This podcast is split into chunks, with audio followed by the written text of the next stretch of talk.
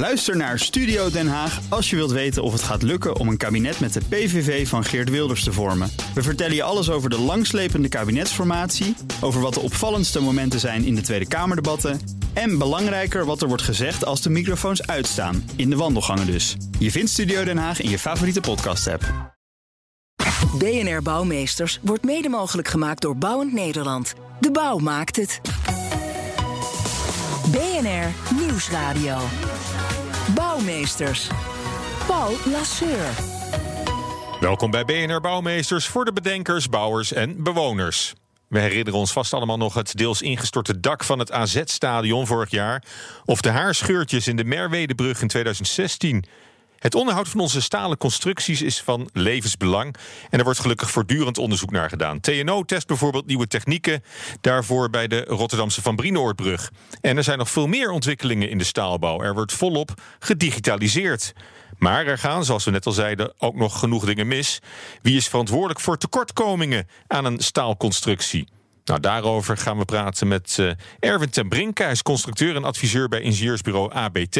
En Joep Paulussen, onderzoeker van staalconstructies bij TNO. Hartelijk welkom allebei. Dank. Goed dat jullie er zijn. Maar voor we over staal gaan praten, eh, vragen we altijd aan onze gasten wat hun grootste bouwsucces en hun grootste bouwflater is, eh, is geweest.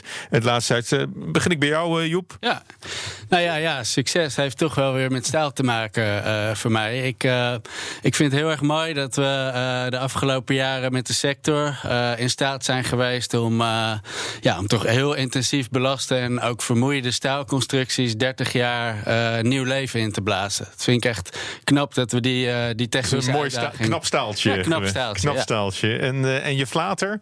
Ja, flaten. dat, ja, ik heb zitten denken natuurlijk voor hem lastig. Ik heb meer een, eh, eigenlijk een illusie waar ik voor wil, voor wil waken. Of in ieder geval dat onder de aandacht brengen.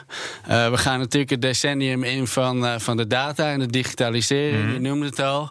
Maar ja, eigenlijk is het zo dat het net zo belangrijk is... dat we wel onze vakkennis en onze kunde op peil houden. Dus we moeten niet in de illusie leven dat data alles gaat oplossen. De fysieke waarneming blijft eh, het ja, en, allerbelangrijkste. en ook de ambacht. En de, dat, dat is net zo belangrijk. Oké, nou ja, voor, jou dezelfde vraag, eh, Erwin. Wat, eh, wat is je grootste bouwsucces tot nu toe? Nou, ik denk precies de, de uitnodiging die je net stuurde. Hè. Eh, Forum Groningen is denk ik wel het grootste bouwsucces eh, voor mij tot nu toe. Het is een maatpak eh, eh, voor architectuur van NL Architect. Ehm, ja, ik ben erg trots op hoe het gebouw zich nu houdt. Hè. In die zin, eh, na twee maanden worden alle verwachtingen overstegen. Het gebouw is elke dag vol. En ja, act- act- culturele activiteiten worden erg goed bezocht. Dus het is echt geslaagd in zijn hele functie. Oké, nou ja, goed. Maar daaraan vooraf zijn misschien wel een paar blunders gegaan. Of tijdens de bouw misschien.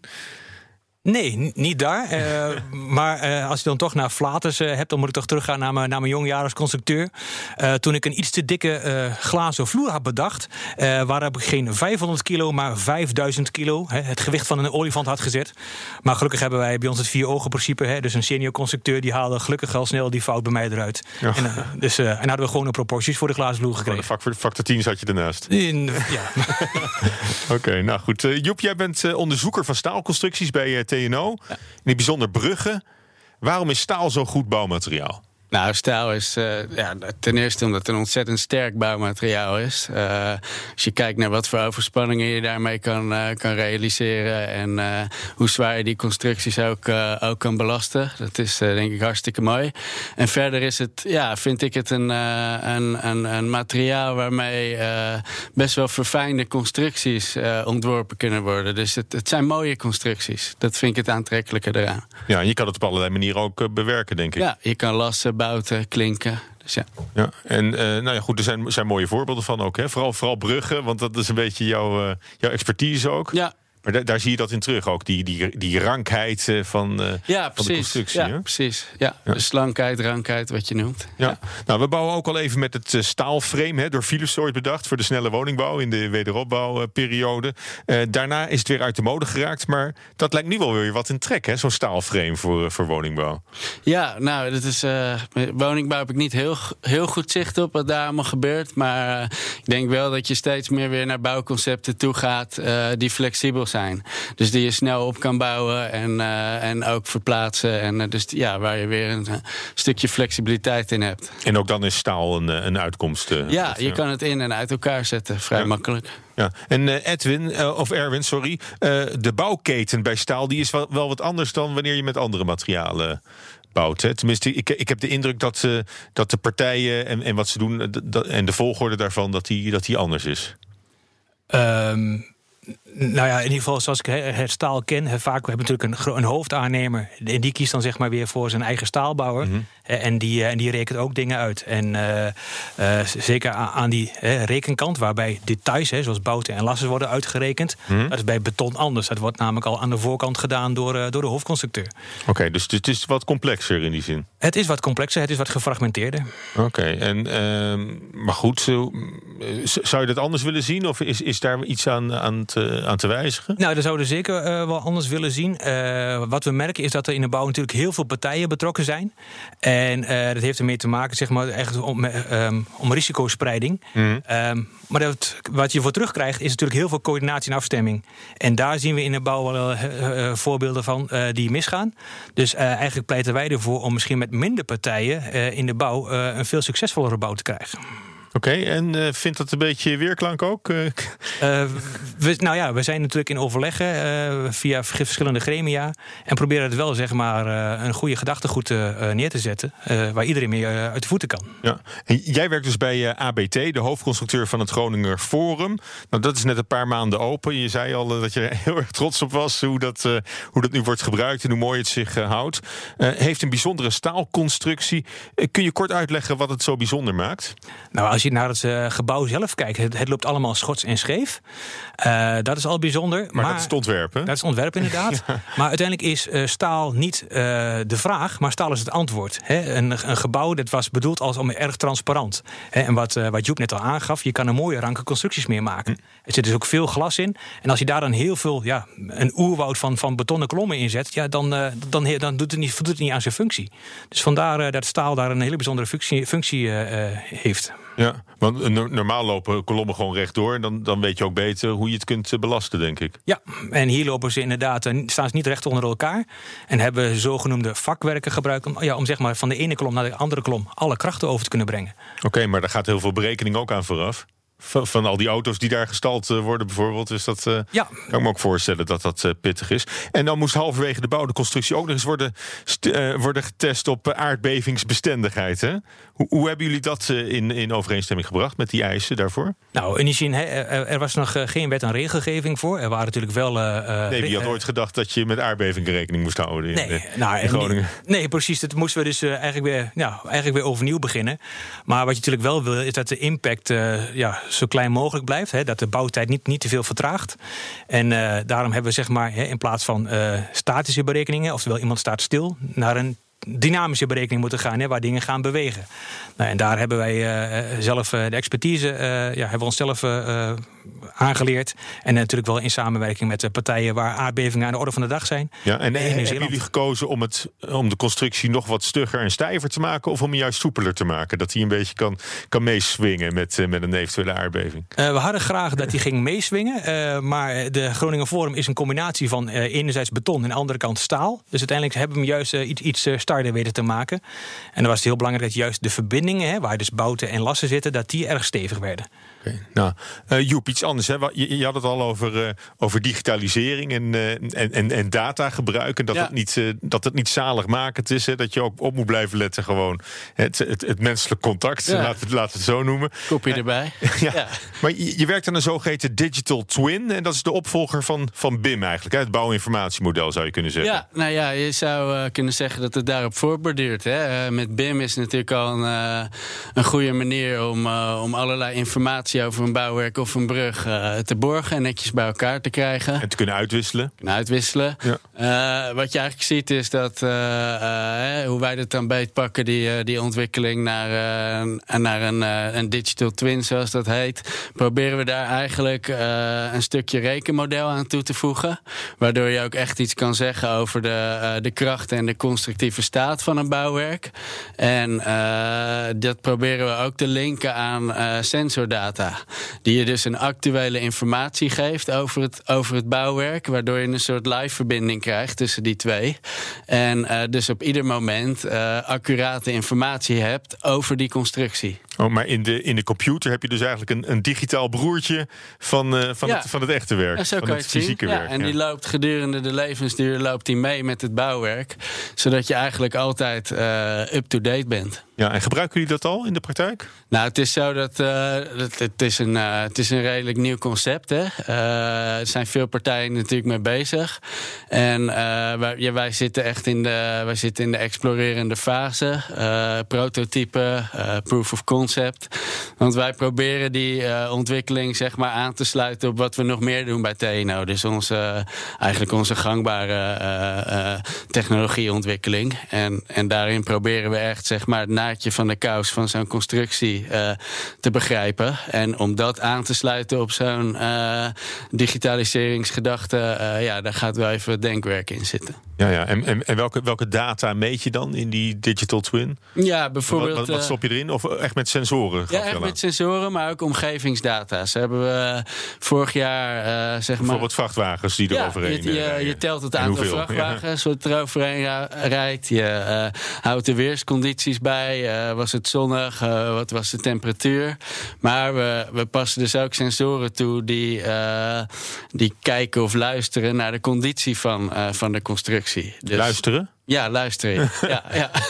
ja, dat is een beetje uh, hè, luisteren in de zin van uh, uh, het is ultrasoon, dus het zijn onhoorbare geluiden.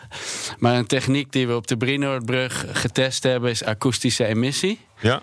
En dat wil eigenlijk zeggen dat je met uh, sensoren die heel gevoelig zijn voor, uh, voor schokgolfjes uh, in het staal, die ontstaan als er, als er een scheurtje optreedt, dan kunnen die sensoren dat opvangen en daar, daaruit kunnen we dan de bron locatie van het defect herleiden. Ja, ja. En hoe ver zijn jullie daarmee? Met, ook met Digital Twin?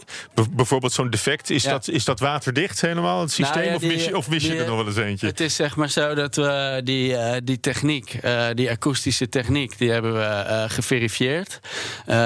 naast geëigende inspectietechnieken. Het inpluggen daarvan in de Digital Twin. Zo'n Digital Twin mm. is een samenstelling van technologieën. Daar moeten we nog aan werken. Dus ja. Okay. En, uh, en Erwin, is, is het, zijn dit nou technieken die jullie ook al toepassen in de praktijk? Uh, of is dit het hogeschoolwerk bij TNO? Nee, ja, niet zien, wij, wij, volgen dit soort uh, ontwikkelingen natuurlijk op de voet. En dus we zien het heel, heel goed bij, bij je bruggen dat het hele goede, goede ja, referenties oplevert. Um, uh, als je alleen naar gebouwen kijkt, dan heb je toch iets met, te maken met, met minder vrachtwagens, zeg ik maar. Er zijn weinig gebouwen waar vrachtwagens overheen rijden. Maar er zijn natuurlijk wel gebouwonderdelen waar zeker wel trillingen zijn. Denk bijvoorbeeld aan luifels of tribunes van, uh, van stadions. Dus uh, er zijn zeker interessante technieken die ook in gebouwdelen toegepast kunnen gaan worden. BNR Nieuwsradio. Bouwmeesters. Paul Lasseur. Ja, zometeen praat ik verder met Erwin ten Brinken van ingenieursbureau ABT en Joep Paulussen van TNO over andere nieuwe technieken om onze stalen constructies in de gaten te houden. Maar eerst. BNR Bouwexpo. Ja, zoals elke week is eh, redacteur Judith Lane hier voor de Bouwexpo. En Judith, je hebt een ander bijzonder gebouw of een bouwwerk van, uh, van staal gevonden. Ja, niet één, maar meerdere. uh, maar we beginnen even met de Walt Disney Concertzaal in Los Angeles, in Amerika. Oh. Daar ben ik ooit een keer langs gelopen. En dat is echt zo'n cool gebouw. Dat is namelijk van Frank Gehry, een hele bekende Canadese architect. Mm -hmm. Die kennen we ook van het Guggenheim Museum in Bilbao. Zijn handelsmerk is eigenlijk zo'n golfbeweging. Hè? Dus het is, hoewel staal gewoon, je, je kent het misschien als gewoon strak materiaal. Hij weet er toch beweging in te krijgen. Um, en dat zie je bijvoorbeeld ook goed in uh, een ander gebouw van hem. Het is een heel luxe hotel en een wijnmakerij. Marqués de Riscal in Spanje. Mm -hmm. uh, en dat zijn op een soort op elkaar gestapelde dansende lintjes. Want ja. ze hebben ook kleurtjes. Echt super mooi. Ja, ik ben er wel eens geweest. Ja, dat, oh, ja, oh ja. ja, en, de, en, hoe was de wijn? Ook, ook, ik was toen in, in Bilbao bij het Guggenheim. Dus mm -hmm. Uh, juist om dat ook, uh, ook te zien in een andere toepassing. Ja, dat is mooi hè? En uh, dan, dan die concertzaal van mm -hmm. Walt Disney. Want ik, ik, heb, ik heb er ook al een plaatje van gezien. Maar je ziet echt de handtekening van Frank Gehry zie je daar wel in. Hè? Dat ja. zijn diezelfde golfbewegingen. ja, ja om het even over de akoestiek te hebben, want schijnbaar uh, is het de beste akoestiek ter wereld. Dan denk ik, nou ja, concertgebouw is volgens mij ook best oké. Okay. Maar uh, ik zou zeggen, ga er nog een keer heen om het te luisteren. ten tweede is het dus helemaal opgetrokken uit een stalen frame. En het lijken eigenlijk een beetje opstaande vellen papier die tegen elkaar gezet -hmm. zijn. Waar dus ook een soort beweging in zit. Uh, maar dan van staal dus. Uh, en dat werd in 2003 in gebruik genomen. En het is een gift van uh, Lillian Disney, dat is de weduwe van Walt Disney. En dat was dus een gift aan de stad en de mensen van LA. En een eerbetoon aan Walt Disney's toewijding aan de kunsten en de stad zelf. En de meeste van de buitenkant werd dus in mat staal uitgevoerd. Maar sommige stukken die waren dus glimmend. En wat gebeurde er nou? Sommige stukken die glommen zo erg dat andere gebouwen ernaast, dus daar last van die hitte kregen, mm die raakten dus oververhit. Ook, dus ook door die kromming misschien wel in die plaats. Ja, door de reflectie inderdaad. uh, en daardoor moesten ze dus een deel van die panelen dus weer mat gaan maken. Um, en eigenlijk had die buitenkant dus van steen moeten zijn. Maar uh, Frank Gehry die zei ook van ja, nadat mensen dat museum in Bilbao hadden gezien, dat dus in 1997 is gemaakt en waarvan de buitenkant dus van staal is, zeiden ze van ja, dat willen we dus ook in Los Angeles. Ja, dat wil iedereen het wel. Ja. ja. En nou, in ons eigen kikkerlandje hebben we ook een bijzondere staalconstructie, toch? Uh, hm? Judith, en, je woont er vlak naast. Het is in mijn achtertuin, eh, Paul, voor Linden. Ja, het ah, het museum. Een heel tof museum. Daar staat dus een gigantisch groot ovale uh, stalen constructie, een sculptuur van Richard Serra. Dat heet Open End. Het is 4 meter hoog, 18 meter lang. Uh, en 7 meter breed. Uh, het zijn zes gewelfde platen en die vormen dus samen een soort doolhof. Je kunt er dus zo mhm. doorheen kruisen. Uh, en het is echt heel tof, want die platen lopen dus ten eerste schuin. Dus je, je, hebt het gevoel dat je ook schuin moet lopen.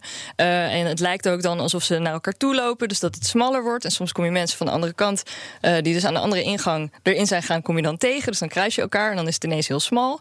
en ja, het is gewoon echt een beleving. Want het is heel groot. Dus je kunt ook echt niet meer om je heen kijken. Je kunt er trouwens wel, dan trap je op. Omgeven door staal ben je dan. Ja, je kunt een trapje op en dan kun je van bovenaf kun je mensen er doorheen zien lopen. Dat is ook heel leuk. En dan zie je ineens pas uh, hoe, hoe, die, uh, hoe die banen allemaal lopen. Want je, je, verdwaalt er redelijk in. Nou, ja. dank, dankjewel uh, Judith. tot de volgende keer. Bouwmeesters. En nu praten we door over de andere nieuwe technieken waarmee we stalen constructies in de gaten kunnen houden. Dat doen we met Erwin ten Brinke van Ingenieursbureau ABT en Joep Paulussen van TNO. Ja, Joep, uh, we hadden het al even over die digitalisering hè, bij, bij staal. Uh, wat kun je later nog met, met die informatie? Is het alleen maar om het uh, te, te monitoren hoe, hoe slecht het ervoor staat? Of, of slaan jullie het ook op? Nou ja, zeker. Want wat heel belangrijk is voor staalconstructies... en ook voor de stalen bruggen waar nu een grote opgave is... om die in stand te houden... is dat je een soort voorspellend vermogen creëert. Dus je wil eigenlijk op tijd weten wanneer je iets met zo'n brug moet doen. Je wil zo'n situatie als met de Merwedebrug wil je liever voorkomen. Hè? Die, die, moest toen dicht voor het eh, verkeer. Ja, die moest toen dicht. Dus je wil eigenlijk aan de voorkant zoveel mogelijk informatie inwinnen. En uh, die informatie ook het liefst koppelen aan, uh, aan een voorspellend model. Waardoor je dus een uitspraak kan doen van joh, deze brug die is over vijf jaar aan een opknapbeurt toe. deze over tien jaar. En zo kan je ook bruggen gaan prioriteren. Ja, maar is het, uh, het is misschien een beetje mossen naar de maaltijd dan... dat, dat jullie na zo'n incident als met de Merwedebrug... dit soort dingen zijn gaan ontwikkelen? Nou, of, of, uh, of, of nou, bestond het toen al? Ik niet. Ik denk dat, uh, ik denk dat Merwedebrug is uiteraard een eye-opener geweest... die de urgentie van dit verhaal wel, wel onderstreept. Maar de opgave waar we voor staan... Rijkswaterstaat heeft bijvoorbeeld alleen al 270 bruggen in het beheer. Nou, de, de, de grootste daarvan... Die zijn allemaal uit dezelfde bouwperiode ongeveer. Ja, dus die zitten oh, allemaal in dezelfde ja, levenscyclus. Ja, nou ja, die, die komen eraan. Hè. En de, de, de, ja, zeg maar de 10, 20 uh, meest urgente gevallen die zijn goed mm. bekeken. Uh, maar ja, die daarachteraan komen, uh, die, die moeten ook goed in beeld gebracht worden. En weten we niet gewoon uit ervaring wel dat ze na, na 50 jaar aan een, aan een update toe zijn? Ja, nee, dat is denk ik iets te veel over één kam geschoren. Het is toch vaak zo dat de devil is in de detail. Het gaat met name bij die haarscheurtjes uh, echt om, om de wijze van detailleren, uh, de uitvoeringskwaliteit, mm, ja. hoeveel verkeer komt er overheen. Dus, dus ja, iedere brug is uniek. Iedere brug is uniek wat dat betreft. Ja. Want Erwin, hè, nog even dit ook, de verbindingen die gemaakt worden hè, in staal, dus, dus de plekken waar, waar, waar ze aan elkaar gelast zijn, de las, dat is altijd het zwakke punt hè? Ja, in een staalconstructie. Het is, het is, nooit de ligger zelf die, die doorbreekt. Of, nee, nee precies. Hè. als je inderdaad constructies uh, kapot gaan, dan zie je vaak dat het uh, op de verbinding misgaat. Hè. Uh, kijk bijvoorbeeld naar het AZ-stadion. Mm. de ligger is heel, maar de verbinding gaat stuk. En het is dus heel belangrijk vanuit de constructeur om het vakmanschap van deze details, om je dat echt goed toe te eigenen. Want ja, daar, daar kan het misgaan. Daar ligt het grootste risico. Ja, en wat, wat doe je dan om dat probleem op te lossen? Ehm, gewoon eh, in een vroege fase daar eigenlijk al een goed idee te hebben. Wil ik gaan bouten of wil ik gaan lassen? daar eh, en dat ook alvast door te rekenen. In plaats van alles uiteindelijk aan de, aan de bouwende partij over te laten. Dus ehm, vroegtijdig signaleren. Ja, maar wat is, is dat wel hoe het vaak nog gebeurt? Gewoon het, ter plekke wordt gekeken hoe het aan elkaar wordt, uh, wordt gezet? Oh nee, zo, zo, dat bedoel ik niet hoor. Eh, wat ik bedoel te zeggen is, eh, soms wordt een ontwerp bestaat vooral uit, uit profielen. zonder dat echt goed gekeken is hoe, hoe de profielen op elkaar aansluiten. En dat wordt dan vaak bij de, bij, bij de aannemende partij weggelegd. Hmm. Maar ik denk dat je daar als, als adviseur aan de voorkant al goed moet over voordenken. omdat je dan heel veel risico's aan de achterkant kan vermijden. Ja, want bij wie ligt dan uiteindelijk de verantwoordelijkheid? Uh, als, als er later een, een, een ramp optreedt. Uiteindelijk uh, is het hoeft geen ramp te zijn, maar schade. Er zijn natuurlijk verschillende samenwerkingsvormen. Hè, maar als je naar het traditionele contract kijkt, waarbij dus de aannemer alle verantwoordelijkheden overneemt, dan uh, zit het vaak dan, dan bij de aannemer. Um, je hebt ook uh, bouwteams waarin he, ingenieurs en, en aannemers samenwerken. En dan zit er inderdaad een soort gedeelde verantwoordelijkheid in. Hmm. En uh, ja, daar moet het toch vanaf zien te komen, want iedereen is 100% verantwoordelijk voor zijn eigen deel. Ja, ja. En nou is eh, bij het Groninger Forum ook flink gebruik gemaakt van digitale technieken, denk ik, om het, om het te volgen. Hoe, hoe, ging, hoe ging dat eens werken? Wat, wat gebeurt er met die informatie die jullie daar hebben verzameld? Ja, als ik even teruggrijp op het verhaal wat, wat Joep zegt, hè, dat gaat over digital twins. Hè, en daar is BIM een van de componenten van. Nou, hè, BIM is uh, uitermate uh, gebruikt bij Groningen Forum. Hè, in 2009 al, tien jaar geleden. Mm. Toen hebben we eigenlijk al een digitaal model gemaakt. Uh, en ook aan de aannemer opgeleverd. Hè. Daar waar nou de bouw bekend is om zijn tekeningen... hadden wij eigenlijk toen al een digitaal model aan hem gegeven. Omdat daar veel meer informatie op staat over, over alle onderdelen. Dus ook veel waardevoller dan alleen maar een setje papier. Oh ja. En uh, Joep, jij had het uh, eerder al over die akoestische emissie. Hè? Dat is een manier om staal te monitoren. Kun, kun je nog eens kort uitleggen hoe dat, hoe dat werkt? Nou ja, het is eigenlijk zo dat je uh, op strategische plekken uh, onder een brugdek bijvoorbeeld, zo hebben we dat nu op de Van Brinoordbrug getest, plaats je sensoren. Uh, en die, die zijn heel gevoelig voor schokgolfjes, hele kleine schokgolfjes in het staal. En je moet je voorstellen, zo'n vermoeiingsscheurtje, dat, dat begint bij een las. En nou, als daar vrachtwagens overheen blijven denderen, overheen blijven denderen dan breidt dat een beetje uit. En het signaal wat daar van, vanaf komt. Als er zo'n uitbreidingje plaatsvindt, kan je vergelijken met een minuscuul aardbevingje. Dus eigenlijk uh, een aardbevingssignaaltje wat, wat in zo'n stalen brug uh, optreedt. Heel klein allemaal. Hè? En die sensoren die vangen dat op. En eigenlijk kan je dan uh, het epicentrum bepalen. Vanuit de aankomsttijden van die, van die signalen bij die verschillende sensoren kan je terug naar de, naar de bron. Ja, en, en kun je dan ook vaststellen hoe erg het eraan toe is? Of kun je alleen maar vaststellen dat er een een haarscheurtje zit er. Ja, nou dat is uh, dus, uh, de, de, de, de stand der techniek hè, op het gebied van akoestische emissies. Dat we nu kunnen aanwijzen, oké... Okay, uh, daar zit het ongeveer. Daar zit het ongeveer. en, en wel iets van een grove klassificatie geven. Hè. deze is groot of mm -hmm. je, moet, je moet echt serieus aandacht naar. Maar het is nog niet zo dat we op de millimeter nauwkeurig de grootte van het defect kunnen ah, vaststellen. En Erwin, is het iets voor in, in, in gebouwen? Ook die akoestische emissietechniek te gebruiken? Nou, om zeker op eh, metaalmoeheid te detecteren? Ja, zeker op onderdelen waar, hè, waar het, uh, die in trilling worden gebracht. Hè, wat ik, uh, bijvoorbeeld een autodek of zo? Ja, autodek, tribuneliggers, uh, luifels van, van gebouwen. Hè, dat, die, die trillen wat meer. Dus het is zeker een interessante techniek. Ja.